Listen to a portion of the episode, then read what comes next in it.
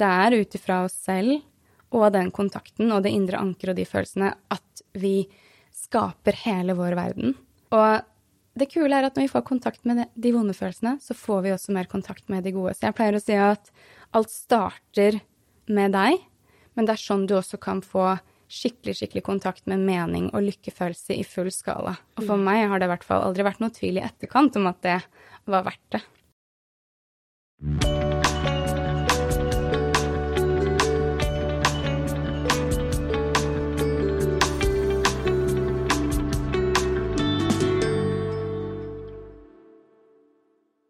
Hjertelig velkommen til podkasten Leger om livet. Mitt navn er Anette Dragland, og jeg er utdanna lege. Før vi starter eh, dagens episode, så vil jeg gjerne fortelle at jeg og min kjære venn lege Torkil Færø har en livepodkast den 20. september. Der skal vi snakke om alt ifra hvilekur til pulskur til søvn og tarmflora. Og jeg håper å se det der. Hvis du ønsker billetter, så er det bare å gå inn på tasopp.no. Og med det så går vi over til dagens gjest, som er skikkelig spennende. I dag har vi jo Aili Kristine Hannisdal. Hun er lege, foredragsholder og kursholder.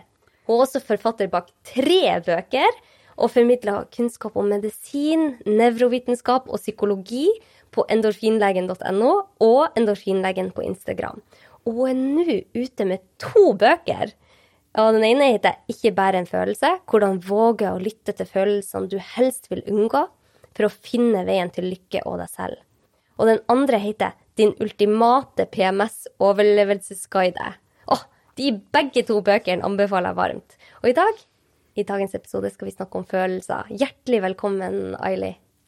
Tusen takk for en fantastisk intro, og det her har jeg også gleda meg så mye til. Å snakke med deg om følelser å gå inn i litt av mekanismene bak følelser og alt det spennende faglige som jeg vet at vi begge brenner for å snakke om. Ja, for det er utrolig mye nytte i å komme i kontakt med sine egne følelser. Men det er ikke så lett som man skulle tro. Man har jo på en måte ikke kanskje lært det fra barns alder, jeg vet ikke. Men det har ikke vært så mye fokus på det kanskje i samfunnet. Nei, jeg er helt enig, og jeg liker veldig godt det du starta med å si nå, at det er ikke så enkelt. For det er en av de tingene jeg har blitt mest opptatt av òg. For jeg opplever veldig at det har blitt veldig sånn fokus på at, at, det skal være så mye sånn quick fix, og at alt skal være så innmari enkelt hele tiden. Og så tenker jeg at noen ting, og særlig kanskje det å lære seg å føle følelser hvis det er noe du ikke har lært, mm. det er ikke så enkelt. Det krever at du er villig til å gjøre en innsats for å bli kjent med deg. Men det er mulig og det er verdt det. Det er i hvert fall min erfaring. Ja. Men hva, hva, før vi kommer inn på dette, Aili, så tenker jeg jeg har lyst til å spørre, Hvorfor har du skrevet to bøker på ett år? Hva, hva som eh, har fått deg motiv? Jeg skriver jo én bok, og jeg syns det er tungt nok. ja. ja, det er et veldig godt spørsmål. Og det fins flere svar på det, for så vidt. Men jeg tror det starta med at jeg hadde skrevet endorfinsmedisin. Det hadde gått et par år, og jeg hadde veldig det var jo en rein populærvitenskapelig bok som gikk veldig bra. Fått veldig mye god feedback på at den var veldig nyttig for folk. Men jeg hadde veldig lyst til å prøve å skrive det enda enklere. Og gjøre det enda litt mer tilgjengelig. Og så hadde jeg veldig lyst til å veve inn litt historiefortelling og litt om hvorfor jeg hadde blitt så opptatt av disse følelsene. For den boka, den går, den går jo skikkelig i dybden på hva er nevrotransmittere, hva er disse signalstoffene i hjernen vår som nevrotransmittere er? Hvordan påvirker de oss? Hvor, hva er egentlig en følelse? Mm. Men, men, så tenkte jeg jo at jeg har jo denne historien som gjør at jeg ble opptatt av det.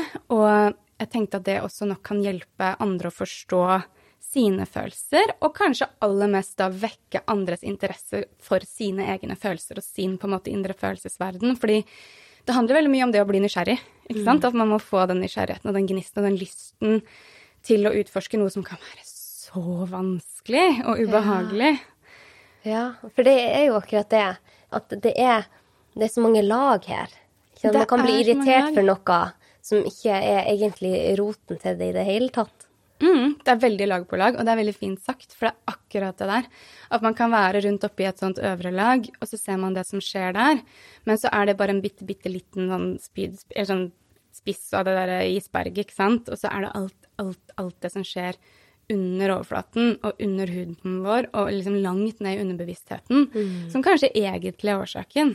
Ja. Og det kan være så forvirrende, for det kan gjøre at vi opplever en eller annen situasjon her og nå, og så får vi masse følelser som gjør at vi oppfører oss på visse måter og gjør ting her og nå, men som kanskje egentlig handler om noe som skjedde for lenge siden. Ja. Åh, jeg gleder meg så til å komme inn i dette. Men eh, jeg har jo lest boka di, og den er kjempebra, og den er viktig. Og jeg tror at eh, veldig mange kommer til å få god hjelp av den.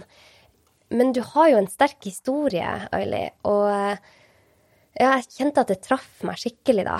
Har du lyst til å dele litt? Ja, jeg kan jo si litt om på en måte hvor du kommer fra, da. Hvis det er det du mener. Ja, ja. Fordi jeg har jo da egentlig gått fra å Jeg kaller meg selv et uh, følelsesmessig analfabet i den boka, eh, som betyr at jeg vil si at jeg har levd, om ikke hele livet, så i hvert fall veldig store deler av livet med, med å prøve å undertrykke alle ubehagelige og vonde følelser. At jeg har prøvd å liksom unngå disse følelsene. Og mye av grunnen til det skjønner jeg jo nå at det handler om at det var liksom min beste mestringsstrategi når jeg var liten. Jeg har vokst opp med mye kaos rundt meg og måttet håndtere mye vonde følelser aleine. Og igjen nå, som voksen, så vet jeg jo og har lært, fordi at jeg har jobbet i psykiatrien selv også, at når vi er unge, så har vi liksom ikke kapasiteten til å forstå sånne ting. Altså, vi trenger hjelp fra voksne til å forstå følelser og til å regulere følelsene våre. Så det er ikke så rart, da, at min beste strategi var å prøve å legge lokk på de. Hvor lenge klarte du det før trykkokeren eh, ja. Nei, det, man har jo litt sånn, hva skal man si, sånn, det kommer litt episodevis, kanskje. Eh, men jeg klarte det ganske godt fram til jeg ble 34. Oi. Mm. Hva var det som gjorde at du hadde lyst til å endre på det? Jeg hadde et sånn øyeblikk for meg selv som jeg driver og, som jeg har fortalt en del om forskjellige steder, og som jeg også skriver om i boka, eh, hvor jeg var 34, da. Hvor jeg følte at alt lå liksom til rette rundt meg for at jeg skulle ha det skikkelig bra. Jeg hadde Jeg var i et godt forhold. Jeg hadde en god jobb. Jeg var ferdig med medisinstudiet i Oslo og turnustjeneste, og det var sommerferie. Og ja, jeg sendte snap og snap og snap, hundrevis av snapper med grønne trær og Prosecco og toppturer og blå himmel og du vet alle de der greiene der. Ja. I ettertid så vet jeg egentlig ikke helt om det var mest meg selv eller verden rundt jeg prøvde å overbevise meg at jeg hadde det bra, men jeg hadde det ikke bra. Jeg følte ingenting. Jeg hadde veldig lite kontakt med de følelsene som kunne vært der. For jeg hadde verken kontakt med de vonde eller de dårlige følelsene. Og det er jo noe av det som Jeg skjønte jo ikke det da, men nå vet jeg jo det. At hvis vi ikke har kontakt med følelsene, så mister vi jo gjerne liksom kontakt med alle. Med hele følelsesspekteret, da. Men, men i det øyeblikket der, da Jeg husker det veldig, veldig godt. Satt, da satt jeg aleine eh, på en brygge på slutten av sommeren. Og så hadde jeg et sånn øyeblikk hvor jeg kom på noe som jeg egentlig visste. For jeg visste det, jeg hadde tenkt det for lenge siden, siden også. Jeg droppa ut av videregående skole i andre klasse, har derfor gått andre klasse på videregående skole to ganger. Ja. Og jeg gikk også ut av videregående skole uten et komplett vitnemål. Men det var også da jeg tenkte det første gangen, og det er det at når vi er på et sånt sted hvor vi ikke har det bra, så er det ingen som kommer og, og fikser det for deg. Det er ingen andre som kan komme inn i livet ditt, dessverre, og ta ansvar for å føle på de følelsene, og ta inn de følelsene som man kanskje undertrykker hvis man gjør det, da. Og på en måte bruke de til å forstå hva som mangler, hva som er riktig for deg, hva som er feil for deg, hva du skal si mer ja og nei til. Det er du som må ta ansvar for å gjøre det, for det er ingen andre som har tilgang til de følelsene enn deg. Så enten Man kan jo være heldig å ha masse gode mennesker rundt seg som ville hjulpet deg og ville stilt opp på, og, og vært der for deg, og, men om du ikke har det, det spiller egentlig ikke så stor rolle, for det er fortsatt du som må gjøre jobben, da. Eller det spiller en stor rolle, men det er du som må gjøre akkurat det. Ja, men hvordan, hvordan gjorde du det da i den situasjonen du var i, der du bare kjente at du var helt flat? Det var ikke verken god eller dårlig, og du skulle jo være veldig glad, kjente alt gikk jo din vei. Nei, altså det var jo Det ble jo et startskudd på en lang prosess Mm. Eh, og jeg ante det òg, at dette er nok en litt sånn lang prosess. Dette er ikke noe som jeg fiksa over natta. Men jeg begynte å tørre å kjenne på følelsene, da. Så jeg begynte å utforske. Jeg begynte å oppsøke kunnskap. Så jeg begynte å leite, begynte å lese bøker. Jeg meldte meg på alt jeg kom på av um, medlemskap, jeg har hørt på podkaster. Altså jeg, Anette, jeg løp så mange mil i skogen med lydbøker på øret og podkaster og ting og tang. Mm. For at det er jo også en ting vi vet, men som jeg ikke egentlig noen gang har erfart ordentlig før da. Når man får det vondt nok, og tydeligvis det å ikke føle noe kan også være vondt nok, for det var veldig vondt. Jeg fikk ikke sove om natta. Jeg klarte ikke å tenke på noe annet. Så jeg ble helt sånn besatt av å finne svar på disse tingene her. Og da, da var det kanskje nok da, til at jeg begynte å Jeg måtte, liksom, følte jeg, finne mm. svar. Og det var da jeg begynte å skjønne at vi trenger Vi trenger på en måte både den logiske, analytiske, fornuftige hjernen vår, som vi kan bruke til å styre og liksom ta resonnere og ta gode valg for oss sjøl. Og den har jeg alltid hatt. Mm. Men vi trenger også følelsene. Vi trenger begge deler. Mm. Men det mangla jeg, for jeg hadde ikke kontakt med følelsene. Så det jeg har ønsket nå, er jo å bruke det jeg fant som har hjulpet meg, mm. fra å kanskje styre litt sånn i livet mitt, da, litt sånn frakobla meg selv, kanskje fordi jeg var litt for påkobla alt mulig annet. Mm. Og med den kjempestore kostnaden som det kan komme med på innsida, for det fører til et slags indre stress, som vi gjerne kan snakke mer om, ja, ja. til å på en måte overkomme alle de rare hindringene og blokkeringene og de tingene som kan komme i veien for oss når vi prøver å koble tilbake på oss selv og begynne å styre mer innenfra. Mm. Så hvordan gjør man det? Ikke sant? Det, det, er jo så vanskelig. Jeg husker bare selv Jeg hadde jo også en periode i livet Det er sikkert kanskje derfor vi begge to har fått ønska å komme ut med kunnskap om ting som kan gjøre at vi får det bedre i livet, for vi begge to har hatt det veldig tøft. Og jeg husker når jeg hadde det veldig tøft på medisinstudiet og på en måte ikke klarte å komme noe i kontakt med følelsene, så husker jeg leste en bok om meditasjon og fant ut at shit, nå skal jeg begynne å meditere, nå skal alt bli bra. Men det jeg oppdaga, var at når liksom jeg løfta på det lokket, så var det så utrolig skummelt å gå inn på det. Det var så masse følelser, det var så mange lag. Og jeg fikk så utrolig sterk uro bare å kjenne litt på det. Så jeg bare liksom la lokket på i full fart. Og jeg måtte jo gå mange, mange runder med meg selv før jeg torde å liksom gå inn på dette. Mm. Ja, for du har jo også en sterk historie bak hvorfor du holder på med det du gjør, og at du brenner for det. Ja, kanskje litt sånn av samme årsak at man liksom blir på leting etter noe, og så deler du det med verden også, da, heldigvis, som vi alle er veldig takknemlige for, meg inkludert. Mm. Men jeg syns det er skikkelig viktig det du sier der. Det er veldig viktig å få fram det, fordi vi må være klare. Det å gå inn i følelser som man ikke kjenner på, det kan koste veldig mye, og det kan på en måte det vi kaller destabilisere litt.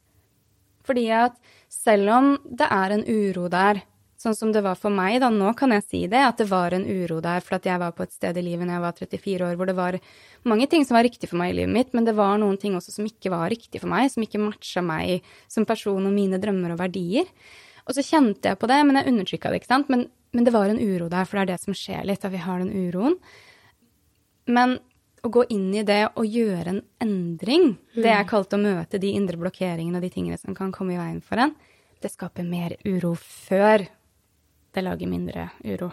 Ja, det gjør det. Det gjør det. Så det er derfor jeg pleier å si det at ofte når man skal jobbe med følelser, så er det veldig viktig å være forberedt på at det ofte kan bli litt verre før det blir bedre.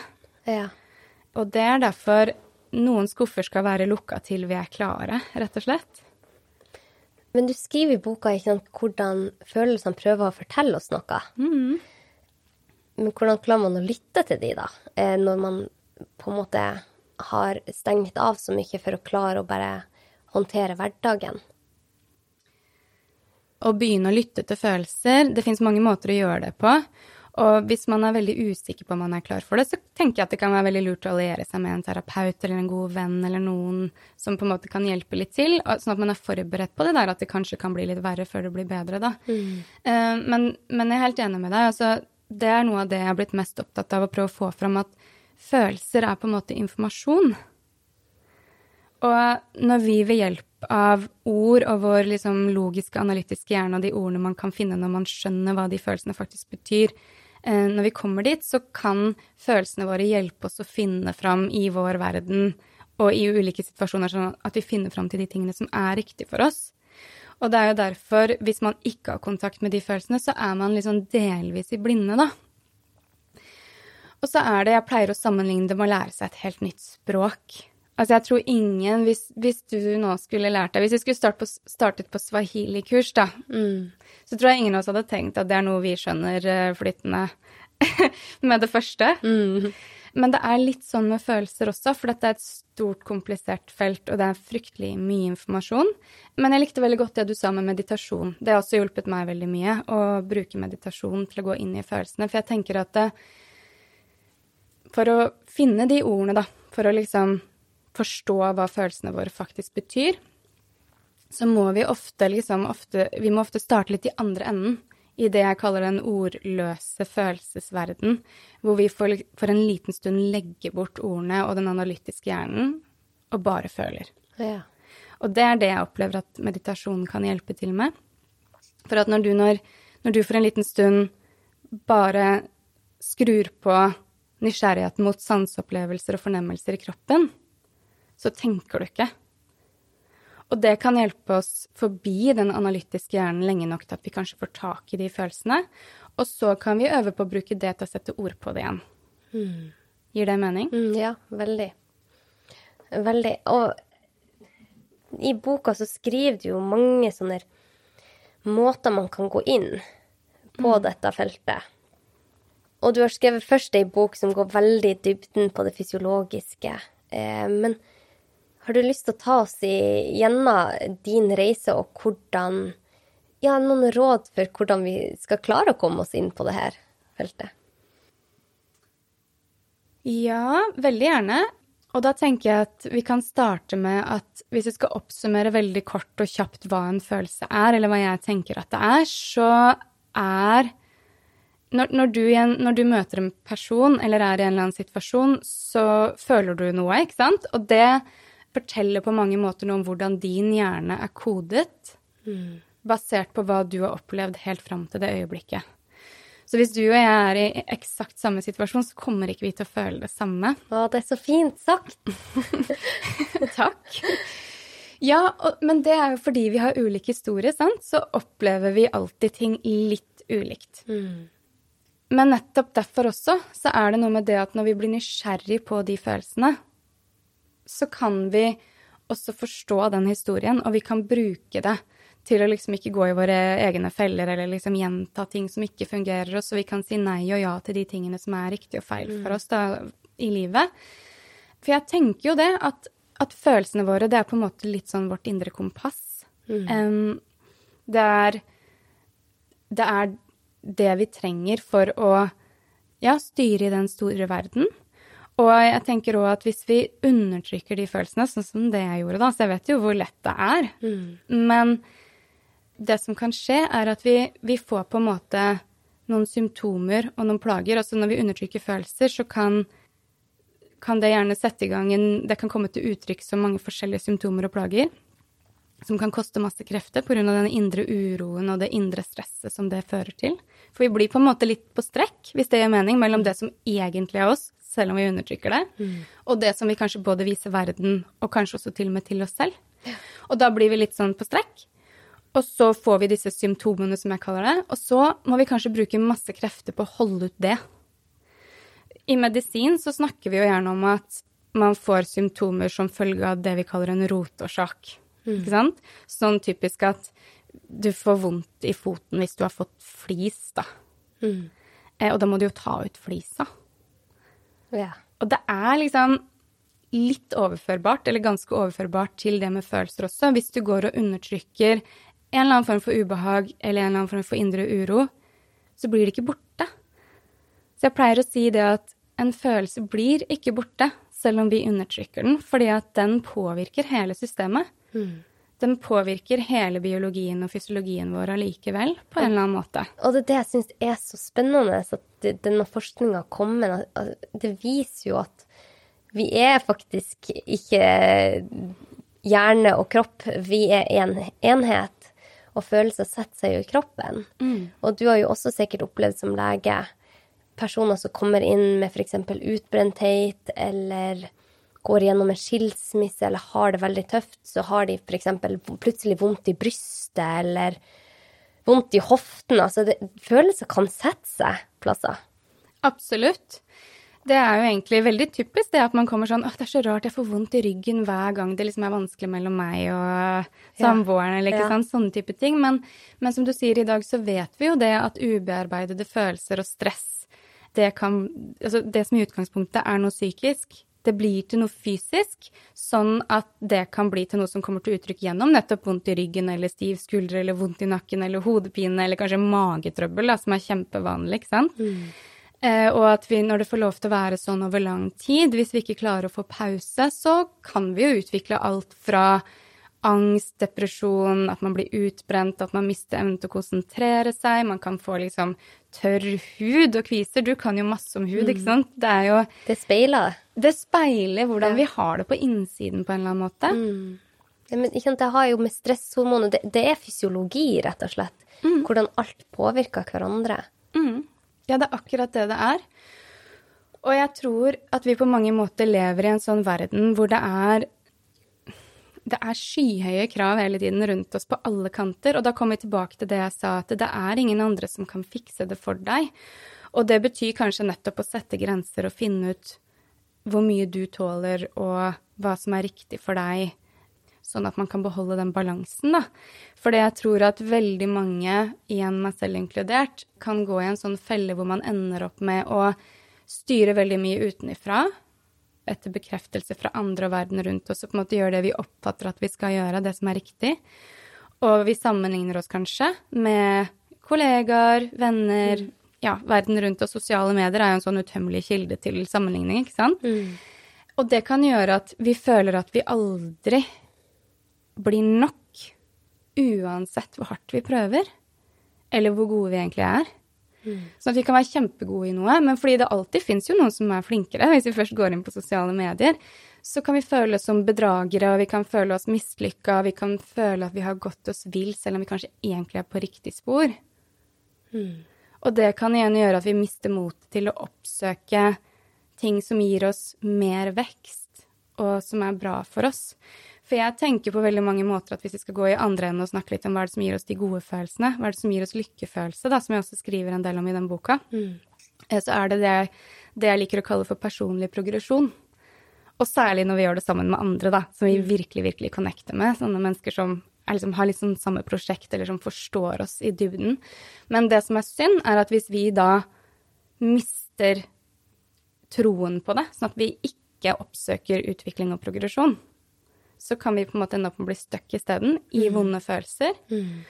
Da kan vi havne i en overlevelsesmodus, nå klarer jeg ikke snakke, hvor vi jobber med å holde ut dette her hele tiden, istedenfor at vi klarer å gjøre de tingene som er bra for oss, da. Mm. For vi er jo lagd for Eller ubehag er laget for å styre oss vekk. Men i en helt annen verden enn den moderne verden som vi lever i i dag. Ja, for det er jo nettopp det. Altså, vi, vi unngår jo ubehag. Mm. Det gjorde i hvert fall jeg store deler av livet mitt. Yes. Hvis jeg følte en negativ følelse, så var det farlig. Ikke sant? Å, måtte jeg liksom bare få det unna. Bare prøve å tenke positivt. Yes. Og det er jo ganske destruktivt i seg selv. Ikke det å tenke positivt, det er jo bra, men hvis man undertrykker de negative for å hele tida tenke positive eh, følelser, så tror jeg ikke det er så bra. Hva du tenker Nei, og her er vi jo veldig like, for det er akkurat det samme som jeg har holdt på med, da. Og det var det jeg mente òg. At vi, vi, finner sånne Vi prøver å finne måter å holde ut dette på. Jeg kaller det litt dvalemodus og overlevelsesmodus om hverandre. Mm. Men, men, her er det jo også så viktig å være klar over akkurat det at lykkefølelsen vår på en måte også Vi kan si at den er litt sånn hacket også av ting som ikke er bra for oss, eller den kan i hvert fall bli det. Hvis vi ender med å overforbruke ting i jakten på gode følelser, som egentlig kanskje handler om å holde ut et sånt ubehag, da. Og det kan jo være typisk ting som vi ikke forbinder med La oss si noe man kan bli avhengig av, da. som for eksempel da usunne relasjoner, eller skjerm og sosiale medier, eller trening, altså ting som egentlig er bra for oss, eh, men som vi plutselig ikke klarer å avstå fra når vi har det vondt. da. At vi ender opp med å bruke Prøve å fikse veldig mange ting med få eller én ting. Så kan det plutselig bli noe som vi liksom blir litt sånn avhengig av, og som kan bli skadelig. At det blir en skadelig bruk. Mm. Istedenfor at det blir noe konstruktivt som vi liksom kan veksle mellom på en sunn måte, da. Ja. Eh, Det er eh, Det er bare ikke Når vi er lært opp til å prøve å, å, å ha det så bra som mulig Samfunnet sier jo det. Sosiale medier sier jo det. Du skal ha det bra, du skal være lykkelig. Så det er veldig vanskelig og vondt. Det blir sånn ekstra lag når man har det vondt. For det blir sånn skam oppå det hele. At åh, jeg får ikke til engang å ha det bra. Jeg får ikke til noe som helst. Så blir det sånn ekstra vondt. For du, ja. Jeg kjenner meg veldig igjen i det. Og det er jo det er også en av de tingene jeg oppdaga som jeg fortsatt kan gå i den fella der. 100% At når jeg har det vondt, så er det liksom også typisk da jeg plukker opp den dumme mobilen. Når man er på sitt aller mest sårbare. Det er da jeg plukker opp den, og så finner jeg noen å sammenligne med. Ja. Og nå kan det heldigvis stoppe det i større grad, for at jeg er klar over det. ikke Ja. Det er den bevisstgjøringen. Men, men, men det er så synd at vi gjør det. At vi plukker det opp når vi er mest sårbare, og så finner vi den sammenligningen. Og så på en måte For det er her jeg tenker at vi på mange måter da prøver kanskje å fikse noe som mangler på innsiden, som handler om selvfølelse og i hvilken grad man føler seg likeverdig andre og verdt noe uavhengig av alt det på utsiden og det rundt oss og hva vi holder på med, ikke sant? Hvis vi prøver å fikse noe som mangler på innsiden med å perfeksjonere noe eller større, bedre, raskere ting rundt oss, ja. det funker ikke. For det er det som mangler på innsiden, det er kanskje kontakt med følelsene dine og alt det som gjør deg i stand til å leve i tråd med dine indre verdier og dine drømmer, og, og alt det som gjør at du istedenfor å prøve å leve livet gjennom å sammenligne eller søke perfeksjon for å føle at ting er bra nok, så kan du finne de verdiene i deg selv og bli, finne den stødigheten i deg selv. Jeg liker å kalle det fotfeste i bunnene, fordi at vi, blir ikke, vi kan ikke bli kvitt bunnene. Livet er både og. Vi får både toppen og bunnene. Vi har både vonde og gode følelser er en naturlig og viktig del av livet, ikke sant? Ja. Men jeg liker å kalle det for fotfeste i bunnen og vingene på, vinger på toppene. Ja. At det er liksom målet. Ja. Og det opplever jeg også at det kan vi få når vi blir stødige, når vi, når vi oppdager at vi tåler våre egne vonde følelser, da. For det var jo det jeg oppdaga til slutt. Jeg var akkurat sånn som det du sa, så var jeg livredd for vonde følelser. Og jeg reagerte typisk på vonde følelser med liksom Altså hvis jeg, jeg kunne bli redd for å bli redd, eller liksom redd for å bli sint, eller liksom sånn, da. Men jeg oppdaget at jeg tålte de. Det var en stor lettelse. For da går det jo bra. Og så i tillegg, når du da kan begynne å forstå hva som er informasjonen i de vonde følelsene, sånn at du kan bruke de til å styre vekk fra ting som Nei, det her, her forteller følelsene meg at dette er feil for meg. Så, så får du med deg det også. Og det har vært veldig, veldig betydningsfullt. Man lærer seg også å sette grenser når man kommer i kontakt med følelser òg, for man skjønner at da, dette gikk over min grense. Men det, det, i hvert fall for min del, det klarte ikke jeg på den tida der. Jeg visste ikke hva grenser var, nesten. Det var bare ja, ja, selvfølgelig, ja, mm, jeg er alltid med. Med en gang man kommer i kontakt med sine egne følelser, så blir det lettere å vite Det blir som et kompass, som du sier, hvor man ønsker å gå hen i livet. Ja, det, og det er så fint at du deler det, for det er jo det er et, et kompass og et slags indre anker som vi trenger, ikke sant? Og som du sier nå, det er sinnet vårt. Og sinne, det er en sånn følelse som har litt sånn dårlig rykte. Er det ikke det? Vi Jo, skal jo, jo. liksom ikke være sinna. Særlig ikke kvinner. Særlig ikke kvinner. Nei. Nei, Gud forby at vi skal ha sånne følelser. men, men sinne forteller jo at nå var det noen som tråkket over grensen din. Ja. Og så er, betyr jo ikke det at vi skal være sånn eksplosive eller behandle folk dårlig, men hvis vi undertrykker det sinnet, så får vi kanskje ikke tak i det selv engang. Mm. Og det merker jeg. Hvis jeg får en forespørsel og blir sint, så er det ikke den personen som spør, som det er sin skyld. Det er bare jeg som har for mye, eller så har jeg ikke vært tydelig nok. Og da Det plukker jeg opp nå. Mens før så kunne jeg bli sint og føle at det var den andre sin skyld, men det, ofte så ligger det i deg selv. Ja, og det, og det er fantastisk at du sier akkurat det der, for det er, det er akkurat det som kan skje, at vi opplever at følelsen er noe som kommer utenifra, og på en måte blir påført oss fra mennesker rundt oss. Det er helt menneskelig. Vi gjør det alle sammen før vi begynner å plukke det fra hverandre og se på det. Jeg gjør det, jeg òg. Men da kan, får man muligheten til å se at OK, det var kanskje jeg som ikke var tydelig, sånn som du sa. For jeg tenker at når vi snakket om swahili og følelsesspråket, liksom, så er jo det litt sånn Det er for viderekomne. Da har vi jobbet en del med det. Når man kommer dit at man klarer å kjenne igjen at OK, her var det noe jeg ikke helt forsto. Fordi fra å liksom kjenne på en følelse uten at, at vi setter ord på den, til at vi setter ord på den, og så igjen kan se tydelig hva det betyr overfor oss selv, og i tillegg kommunisere det til verden rundt oss, mm. da er vi på viderekommende, ikke sant? Ja. Men det er også målet, og det er det vi kanskje trenger følelsene til. Ja. Sånn at vi kan bli tydelige både for oss selv og mm. verden rundt, da. Mm. Så da er 100-kronersspørsmålet hvordan gjør vi det, Aili?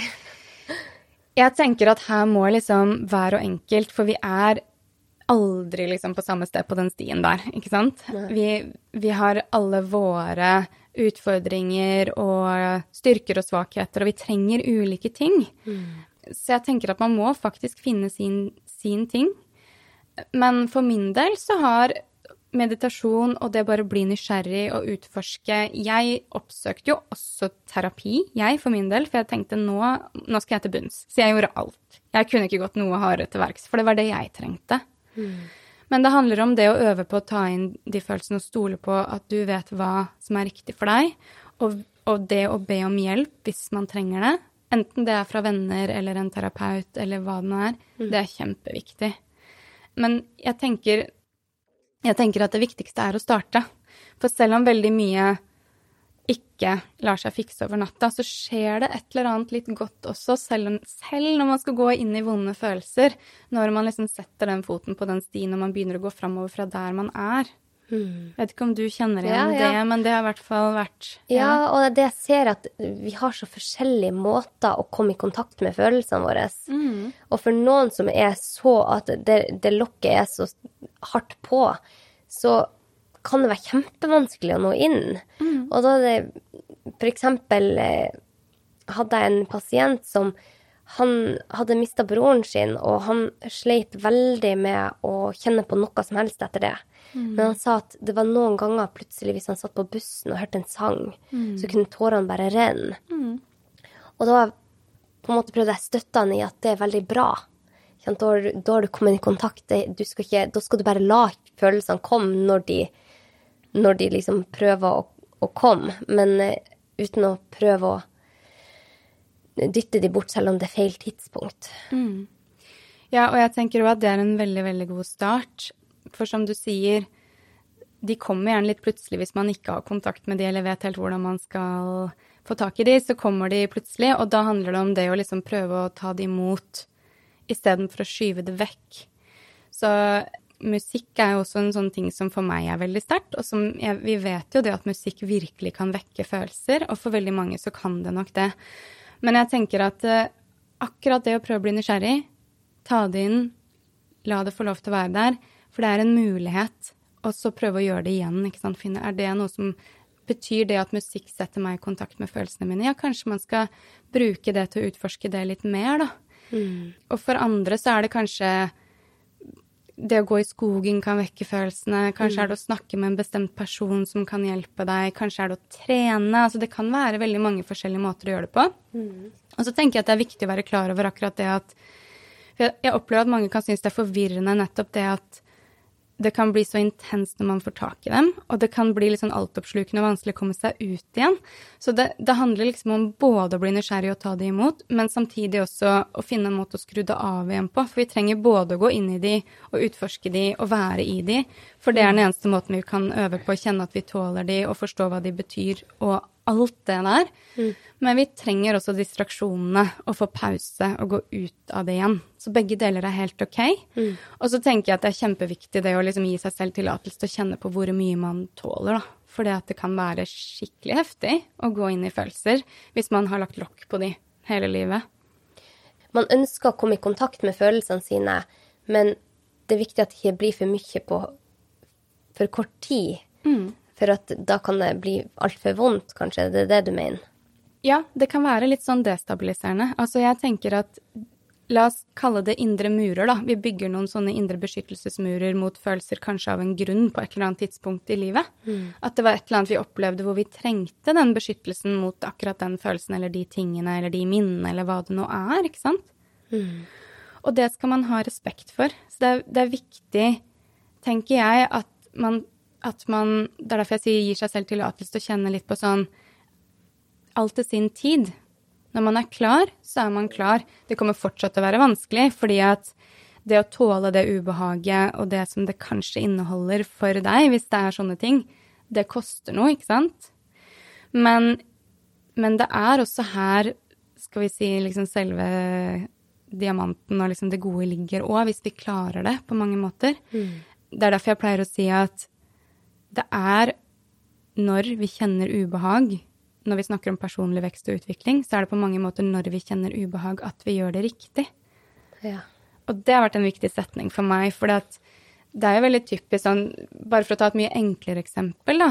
Jeg har jo hatt masse prestasjonsangst og sceneskrekk og ting som har gjort at jeg liksom kasta en hel musikkarriere på båten, for jeg syntes det var så vanskelig å snakke før jeg skulle synge. Og du har en nydelig stemme. Å, takk. Ja, det er veldig rørende å høre på deg. Takk, jeg visste ikke at du hadde hørt det. Jo, jo, jeg har jo googla det, kan du skjønne. Ja, det har du vel. Nei, men, men da er det jo lettere kanskje å se, for det er litt mer sånn konkret. At Ja. selvfølgelig, når jeg da oppsøker situasjoner hvor jeg skal snakke, som f.eks. å holde foredrag, Ja. så vekker det alle de ubehagelige følelsene. Ja, ja. Og den eneste måten til å komme dit at man kan bli trygg i den situasjonen og faktisk stå og snakke, sånn som for meg, da, få snakke om de tingene jeg egentlig har så mye passion for og brenner så mye for. Men det var en blokkering, ikke sant? For jeg hadde jo ikke lyst til å kjenne på det ubehaget, og det kom hver eneste gang. Ja. Og det er jo helt forferdelig. Ja. Man får jo det derre når du blir sånn tørr i munnen og skjelver på hendene, Ja, ja, og liksom du klarer ikke å tenke en eneste tanke. Får ikke puste ordentlig og Åh, det er grusomt, og så blir det liksom bare verre og verre. Men, men da er det lettere å kanskje si at det er når man kjenner det ubehaget at man gjør det riktig. ikke sant? Så handler det om å finne en måte å tåle det på, da, og gjøre riktigere ting som roer det ned, og som gjør deg i stand til å stå i det, istedenfor å gjøre ting som man kanskje ikke vet man gjør, da, som gjør det verre. I boka så har du mange råd til hvordan man kommer inn, kommer i kontakt med seg selv. Og mange kan jo kjenne at de har veldig masse følelser, at de føler at de har for mye følelser. De føler seg nesten litt sånn ja, i ubalanse, ustabil, de kan plutselig koke over på feil tidspunkt. At problemet deres er ikke at de ikke kommer i kontakt med følelsen, men at de ikke har kontroll på det i det hele tatt. Men det du skriver i boka som jeg syns er så fint, er at man ved å bli kjent med seg selv og komme i kontakt med seg selv, så vil det bli lettere å lese seg selv og se seg selv, og da også lettere å vite hvorfor disse følelsene kommer. Hvordan råd er det du gir? Du har jo også kurs. Sånn. Hvordan råd er det du gir for å gå inn på dette? Det er jo her jeg er veldig glad i meditasjonen, da. Eh, og til den følelsesboka så, så lagde jeg jo faktisk også en rekke med sånne meditasjoner nettopp for å hjelpe med å komme inn i hva er egentlig minnene. For det er sånn som du sier, at når vi forstår hva de følelsene egentlig handler om Hvis vi forstår at OK, nå ble jeg kjemperedd eller rasende i denne situasjonen fordi det begynner å minne meg om noe som jeg opplevde da jeg var fire år gammel, som jeg har undertrykket og ikke prosessert og ikke forstått, så er det utrolig fascinerende hvordan når du jobber med det opprinnelige minnet Det kan man jo både gjøre i terapi, eller man kan gjøre det selv i meditasjon, eller man kan gjøre det gjennom å skrive dagbok eller liksom prosessere det på den måten. Men, men felles er at når du jobber med det opprinnelige minnet og den høye følelsesintensiteten som kanskje kommer derfra, så kan det også roe seg ned i nåtid, sånn at du kanskje ikke blir fullt så sint eller redd i den situasjonen, hva nå det var, om det var med sjefen din eller partneren din eller Ja, venninna ja. di, liksom. Så kan liksom nåtidssituasjonen også roe seg ned, sånn at man, man på en måte i større grad ser hva som faktisk skjer rundt oss her og nå, og kanskje ser at kanskje var det egentlig ikke en lignende situasjon i det hele tatt. Det kan man jo oppdage.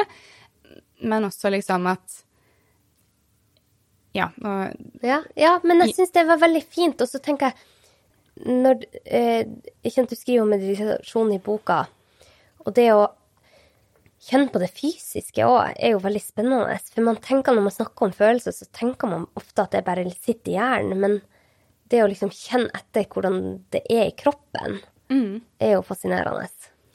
Det er kjempefascinerende. Og, og for meg, og det her har jo vært en av de tingene jeg har hatt mest glede, skal vi si det, av å oppdage på den reisen her fra å ikke skjønne hva følelser er, til å liksom virkelig bli skikkelig opptatt av det, er jo nettopp at det er jo fysiske fornemmelser. Det er jo noe som skjer i kroppen. Det er de antennene som nervesystemet og hjernen din har rettet innover mot dine indre organer.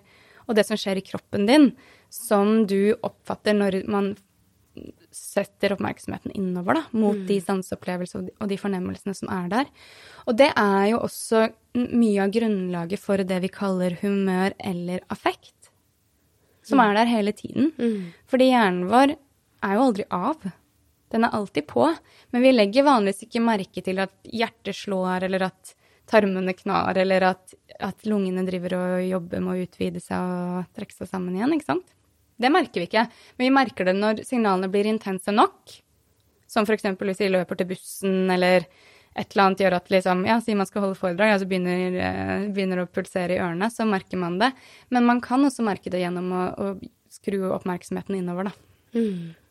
Og da kan man bruke det til å forstå også hva det egentlig handler om, hvis man skrur på nysgjerrigheten mot det. For da er det liksom for En måte å tenke om meditasjon og følelser, da, en måte å jobbe med det på, er jo typisk å liksom gå inn i det, lukke øynene, tenke på Ta med seg en følelse inn. Hvis man får tak i en eller annen følelse, si kompisen din da, som begynte å gråte når han hørte en eller annen låt, så kunne han liksom brukt den følelsen i meditasjon til å sette seg ned og tenke, hva, kjenne etter hva er som kommer opp nå. Kommer det opp noen bilder? Kommer det noen minner? Fordi det ligger i underbevisstheten, ikke sant? Så det handler om å finne måter å jobbe for å få tak i hva det egentlig er. Den historien, den lille biten av historien din som gjør at du føler det akkurat sånn. Men da må vi være nysgjerrige, og så må vi være detektiver. Og når det skjer, så kan man også kjenne det et sted i kroppen ofte. Ja, eller mange steder i kroppen, men i hvert fall som noe fysisk. Det, jeg husker i starten da jeg begynte å jobbe med det her, så var det så intenst. Når jeg satte meg ned og lukka øynene og gjorde de tingene der, og liksom kjente etter, så var det bare sånn som du også. Det var så intenst. Som et lokomotiv som bare kom mot deg. Helt voldsomt. Ja, og jeg husker jeg har masse sånne minner i starten hvor jeg satt og mediterte og liksom begynte å skjønne hva det handlet om, og sånn, hvor liksom bare tårene bare fossa, og det var liksom Det kjentes jo nesten helt uutholdelig ut, men så viste det seg det at det er ikke det. Men man må kanskje tilbringe en del tid med de følelsene og de minnene og de tingene det egentlig handler om, før det roer seg ned. Jeg tenker bare det steget der du sier at det er greit. Det er greit at jeg kjenner på disse følelsene. Da har man kommet ganske mye lenger videre. For for meg så var det i hvert fall sånn, det er ikke greit. Du må for all del ikke kjenne på det. Men da, da har man gått videre. Da, man, da er man på vei et sted. Ja, jeg er veldig enig i det, og jeg tenker det er en kjempeviktig del av det, og den aksepten der, at man, at man kjenner igjen og på en måte vet, og kanskje også virkelig stoler på at det er en del av det å være menneske. Altså følelsene våre har en slags sånn default, de er der for å hjelpe oss, og det er helt greit å ha alle disse følelsene.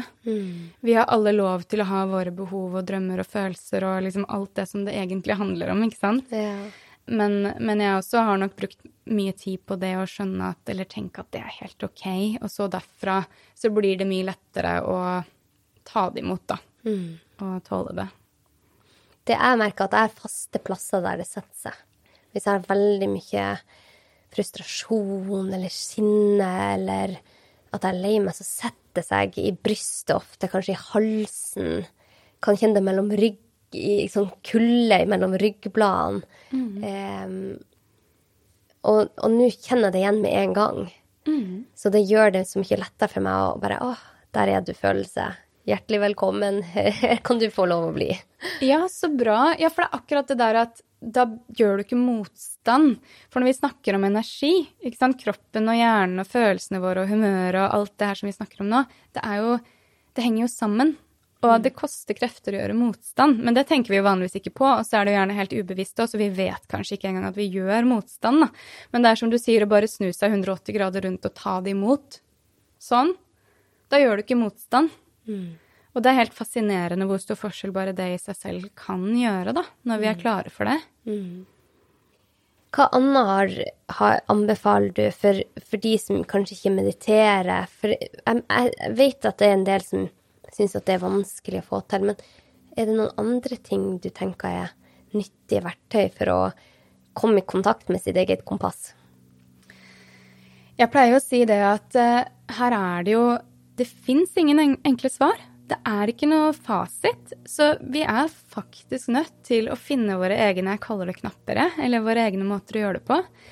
Og jeg vet jo at veldig mange av de jeg jobber med, f.eks., de har kanskje i veldig lang tid uten at de er klar over det, brukt trening f.eks. For, for å få ut følelser. Mm. Mens når vi blir klar over det da sammen, så kan man liksom bruke det enda mer bevisst. Og så kan man også kanskje da bruke det til å oppdage flere ting man kan gjøre. Fordi at man kjenner igjen at det er det man egentlig gjør. Så jeg tenker igjen bli nysgjerrig, kjenne etter når er det man får kontakt med følelsene. Hvilke ting er det som gjør ting bedre og verre for deg, på en måte? Musikk, kjempesterkt. Jeg tror det kan fungere veldig godt for veldig mange, både for å få tak i vonde følelser og bearbeide de, men også for å, som jeg sa, distrahere og komme bort igjen fra det, da. Mm.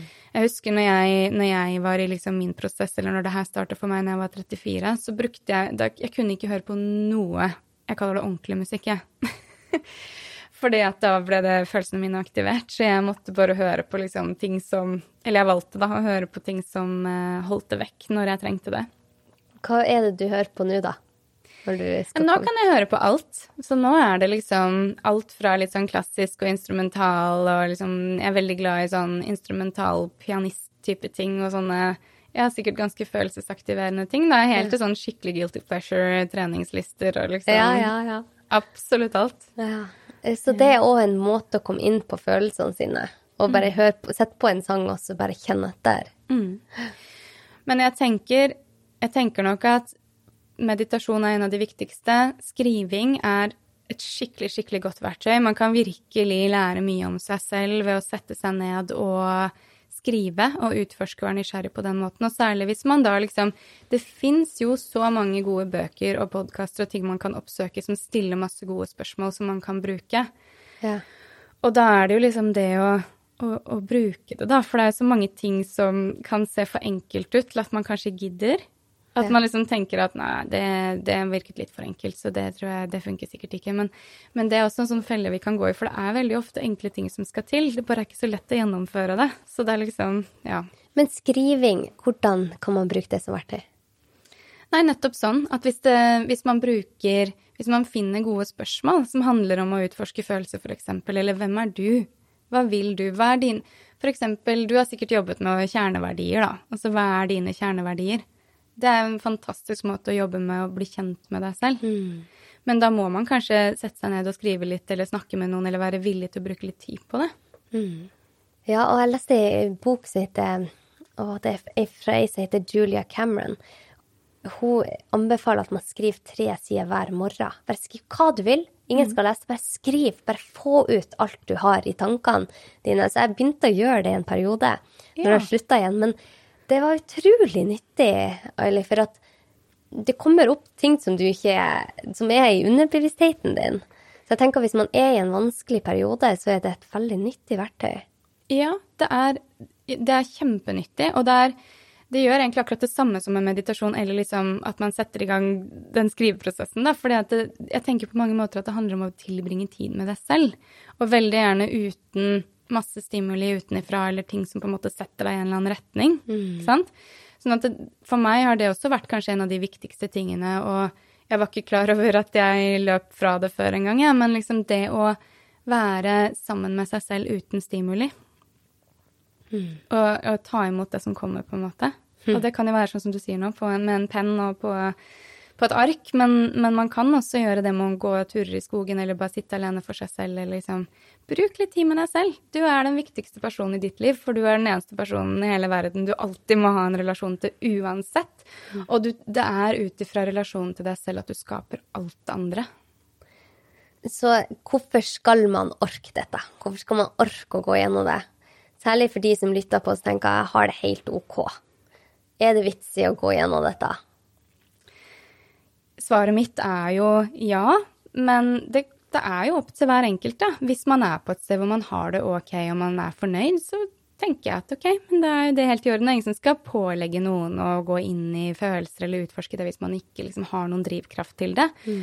Men hvis man føler at, at, det er noe der, at det er en uro, at det er et eller annet man liksom bare kjenner at det er noe som ulmer under overflaten, så tenker jeg at det er jo typisk den derre jobben der vi ikke har lyst til å gjøre, men gevinsten kan være så utrolig stor når man forstår hva innholdet i den uroen eller de følelsene egentlig er.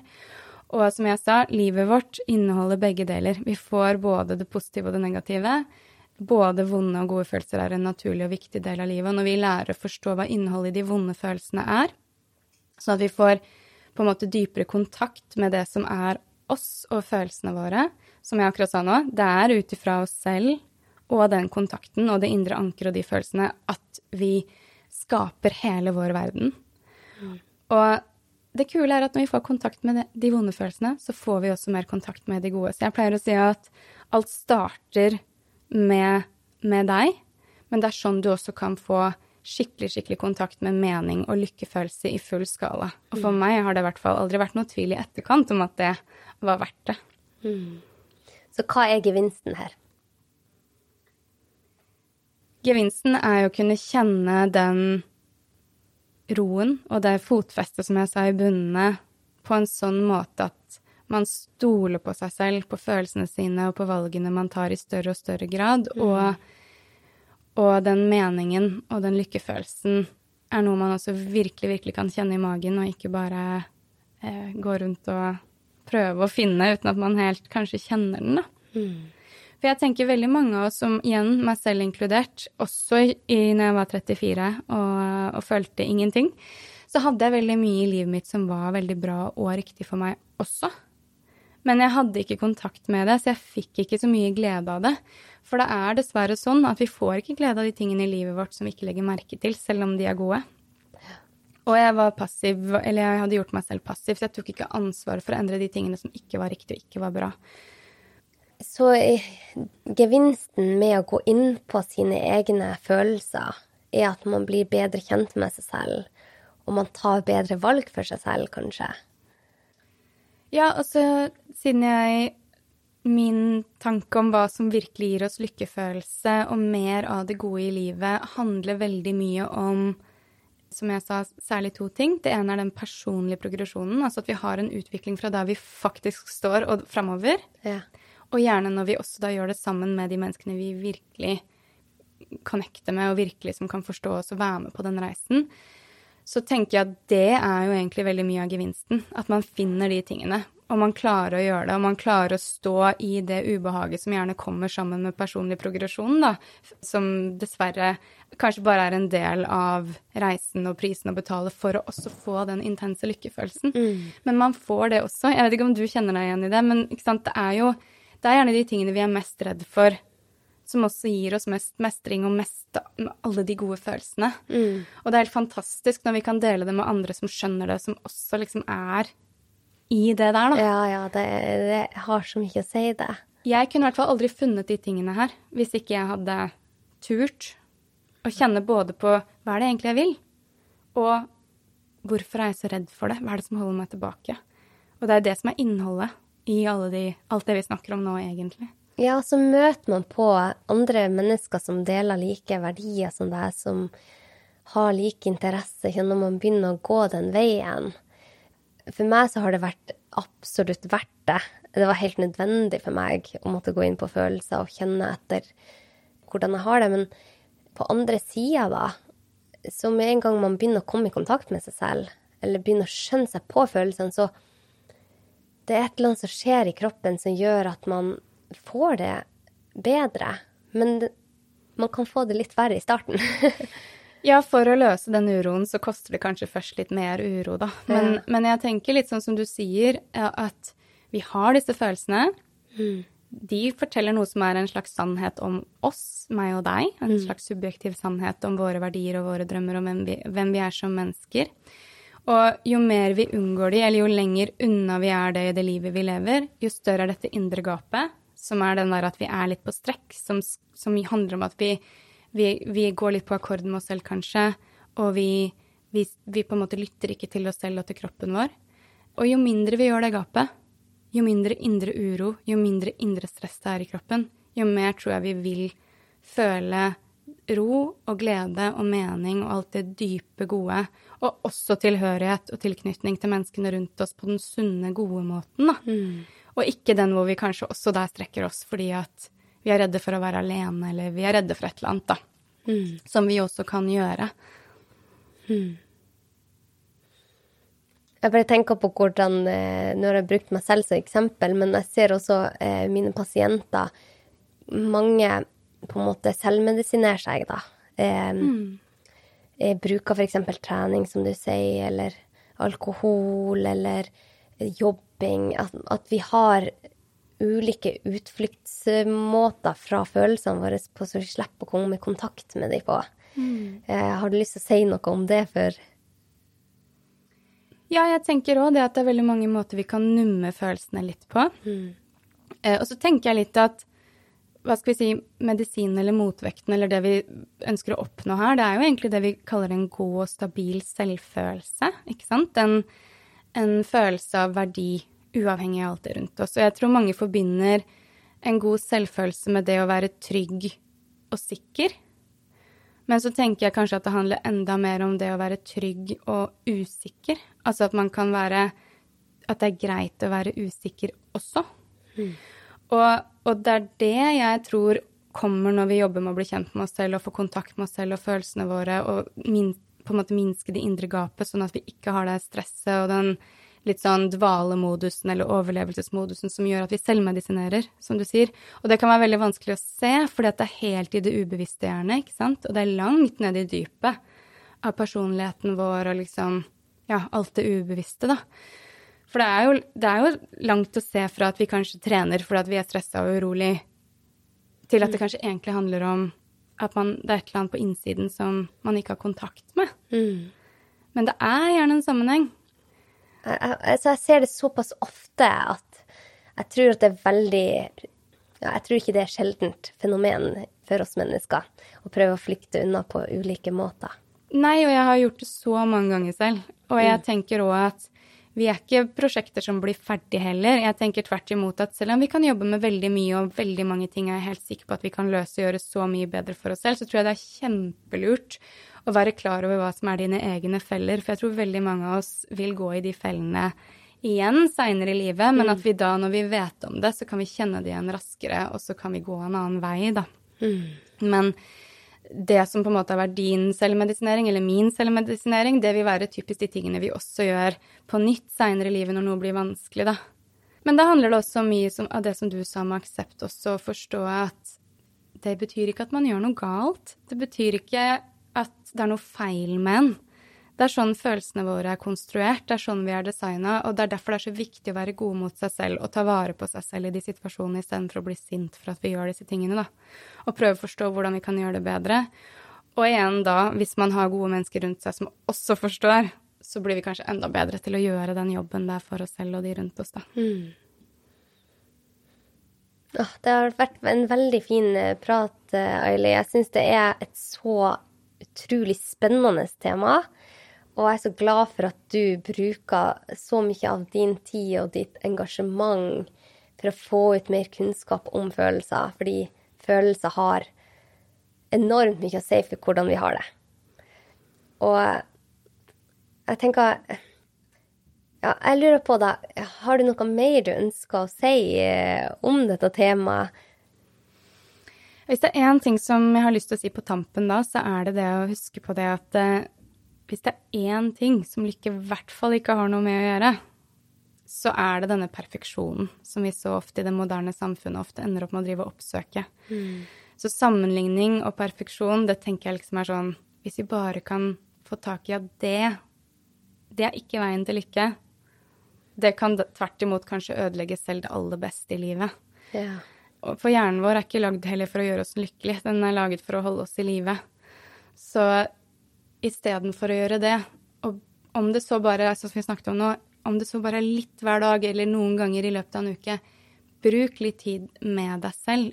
Prøv å finne ut hvem du er, og hva som er dine drømmer og verdier. Ja. Det kan være overraskende krevende, men det er verdt det. Det er jeg så enig med deg i. Aili, du har jo vært på en reise selv, og jeg ser jo på deg at du har det bra, og du, du føler kanskje at livet er lettere nå når du har kontakt med følelsene. Men er det andre ting i livet som du tenker er viktig også når vi ser på dette med følelser og hvordan man kommer i kontakt? Du har vært inne på relasjoner, men er det noen andre ting du har lyst til å nevne her? Oi, det var veldig stort spørsmål. Ja. og så må jeg jo bare si jo da, for at nå sier du at du ser at jeg har det bra, men nå får jeg lov å sitte her sammen med deg, som også har passion for dette temaet, og som på, måte, på mange måter også er på en sånn reise hvor du er opptatt av å dele, og vi liksom Vi har veldig mye hva skal man si, felles glede i dette her. Og det er jo da Jeg, jeg ser liksom for meg at, eh, at um, belønningssenteret i hjernen liksom lyser opp Ja. og gnistrer når man sitter sånn og får lov til å holde på med sånne ting som man brenner for sammen med andre, da. Ja. Men, men det er egentlig det jeg tenker at er det viktigste. Det er ikke så farlig hvor vi starter på reisen vår, eller hvor vi står i dag. Det er viktig å akseptere at vi står der vi står i dag. Ja. På, og det kan være vanskelig, det òg. Men hvis vi klarer det, så klarer vi også å finne de riktige stegene og gå framover, sånn at vi kan få denne personlige utviklingen og starte på den reisen. For jeg tenker at det viktigste er å være på en reise. Hjernen vår er lagd for utvikling. Vi er ikke lagd for å sitte fast eller stagnere. Vi er laget for å ha en eller annen reise.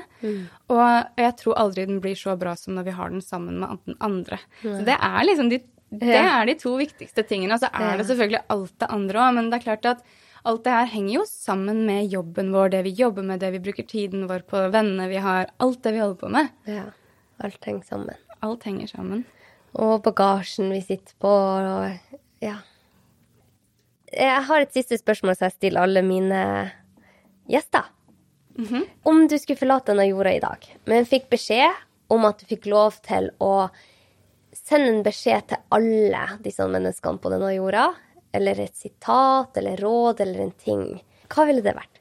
Oi, det var eh, Du stiller de spørsmålene rett på sparket. ok, men jeg skal prøve.